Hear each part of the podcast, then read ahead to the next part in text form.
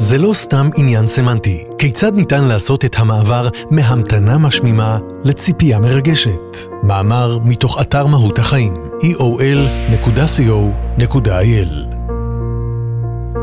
הפחד מהלא נודע הוא אחד המניעים המוכרים ביותר לפעולה, או להימנעות ממנה, ויש שאמרו שבסופו של יום הוא הפחד הבסיסי ביותר, המנהל את האנושות כולה. ואולם, מסתבר שישנה סיטואציה אחת שבה דווקא הלא נודע מתהדר בציפייה נעימה ומהנה. נסו להיזכר בפעם האחרונה שהזמנתם חופשה מבעוד מועד. במקרה כזה, על אף אי הידיעה, ואולי בזכותה כפי שנראה בהמשך, ההמתנה מרגשת וחיובית. פתרון אפשרי לדיסוננס הזה נמצא במאמר שפרסמו החוקרים קומר, קילינגסוורת' וגילוביץ' בפסיכולוג'יקל סייאנס. על פי המחקר נראה שברמה הפסיכולוגית ישנו הבדל גדול באופי ההמתנה לדבר מה חווייתי כמו חופשה, לעומת ההמתנה לדבר מה חומרי אחר. הבנת ההבדל עשויה לשפר את חוויית הציפייה באופן די גורף. כמובן שאם נשווה חופשה זוגית בזנזיבר למתנה חומרית צנועה יותר כמו סוודר חדש, נעשה עוול למאזן הכוחות. אבל אם ניקח דוגמאות שוות בערכן, כמו למשל רהיט יפהפה שיעיר לנו את הסלון, או סדנת בישול יפני שתפתח לנו את הראש, הממצאים מצביעים לטובת הסדנה. על ההבדל בין ההנאה שנפיק ממוצר חומרי לזו שנפיק ממתנה חווייתית דיברו רבות במחקרים אחרים. נציין כי על אף המחשבה האינטואיטיבית שהנאה ממוצר שנשאר זמין לאורך זמן תהיה מתמשכת וגדולה, לעומת ההנאה החד פעמית או הרגעית שנקבל מחוויה, נמצא כי ההפך הוא הנכון. בשל יכולתנו האנושית המרשימה להתרגל לדברים, מתנה מוחשית כמו עציץ, בגד או צעצוע חדש, תהפוך מהר מאוד למאפיין נוסף בנוף המוכר. ומשתשומת הלב תעבור ממנה הלאה, גם ההנאה הגדולה תדעך לאיתה. לעומת זאת, זיכרון ההופעה שאליה נסענו בחורף שעבר עשוי להישאר לעד, וחיותו תוצת מחדש בכל ארוחת ערב משפחתית שבה ינקוב מישהו בשם הלהקה. אבל דווקא בכך לא נתעסק בכתבה זו. הדבר המעניין שגילו קומר ועמיתיו הוא היגיון דומה גם ביחס לתקופת הזמן המתמשכת שבה אנו מחכים לחוויה, או לחלופין למוצר חומרי כלשהו. לטענתם, מה שמאפיין את הצריכה עצמה מאפיין גם את השלב המקדים לה, ההמתנה. נראה כי כשמדובר בשעון דופק שהזמנו מאי-ביי, או בספר שאמור להגיע במשלוח של דואר ישראל הנע בין 7 ל-14 ימי עסקים, רובנו נהפוך חסרי סבלנות במידה שזמן ההמתנה יתארך ולו ביום אחד. וגם מהתקופה הצפויה, יש לומר, לא נפיק הנאה מרובה. במילים פשוטות, כפי שניסחו קומר ועמיתיו, רכישה חומרית מייצרת דפוס חשיבה של תנו לי את זה עכשיו.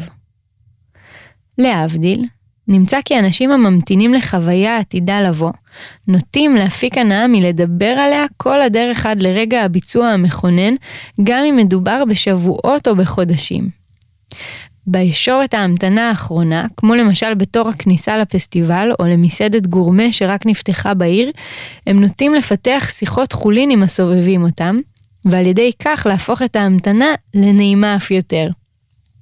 ואם לרכוב על אותו גל, הם גם מרבים לשוחח על החוויה זמן רב לאחר שזו התרחשה.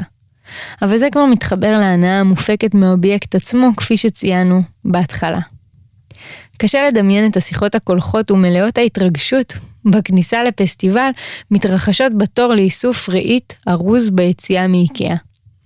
אחת הסיבות לכך, על פי קומר ועמיתיו, היא אלמנט קוגניטיבי שהם מכנים חשיבה אבסטרקטית, הזמין לנו בהמתנה לחוויה. כשאדם חושב על בגד או על רהיט שרכש, התמונה העולה במוחו היא די קונקרטית. הוא יודע שהמעיל עשוי צמר והשולחן מעץ דובדבן. כאשר אדם חושב על חופשה או על הצגת תיאטרון עתידית, על אף שחלק ממחשבותיו יהיו קונקרטיות, מחשבות אחרות יהיו גבוהות יותר ויעסקו במהות מטרת החוויה. למשל, בהרפתקה הטמונה בה, באנשים שאולי נכיר, או בתובנות שהיא תביא עימה. בהתחשב בכך, פוטנציאל ההתרגשות מההמתנה לחוויה שאיננה ידועה לנו לפרטי פרטים, אכן גדול בהרבה. כמה מקום נשאר לדמיון, כשבקטלוג של איקאה כבר ראינו אפילו את מהלך ההרכבה. אז כיצד ניתן להסביר את ההתרגשות שאוחזת בבשלן חובב, המצפה למוצר כמו סכין חדשה? ויש שיגידו בסתירה לכתוב מעלה, כי גם ספר המגיע במשלוח של דואר ישראל הוא חוויה ולא מוצר. אז איפה עובר הגבול שבין מוצר לחוויה, וכמה הוא נזיל? האם אוכל הוא מוצר או חוויה? האם זה תלוי בכמה אנחנו רעבים? במאמר שפרסם כריסטופר ברגלנד במגזין Psychology Today, הוא מספר על אתגר שניצב בפני חברת היינץ בשנות ה-70.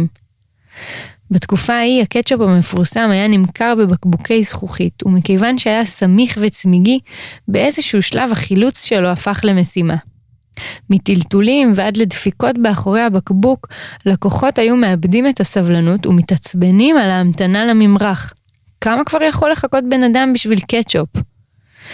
בהיינז הבינו שעל מנת לשמר את לקוחותיהם מרוצים, עליהם להפוך את המאמץ וההמתנה למוצדקים. הם הפיקו פרסומת, ובה צמיגיות הקטשופ מעידה על חוויית צריכה איכותית ואקסקלוסיבית, וההמתנה לממרח היוקרתי אף היא מותגה כזמן איכות רומנטי נחשק. הם הפכו מוצר לחוויה. האם כמו היינס, גם אנחנו יכולים לעשות את הטוויסט הזה עבור עצמנו ולהפיק מכך תועלת?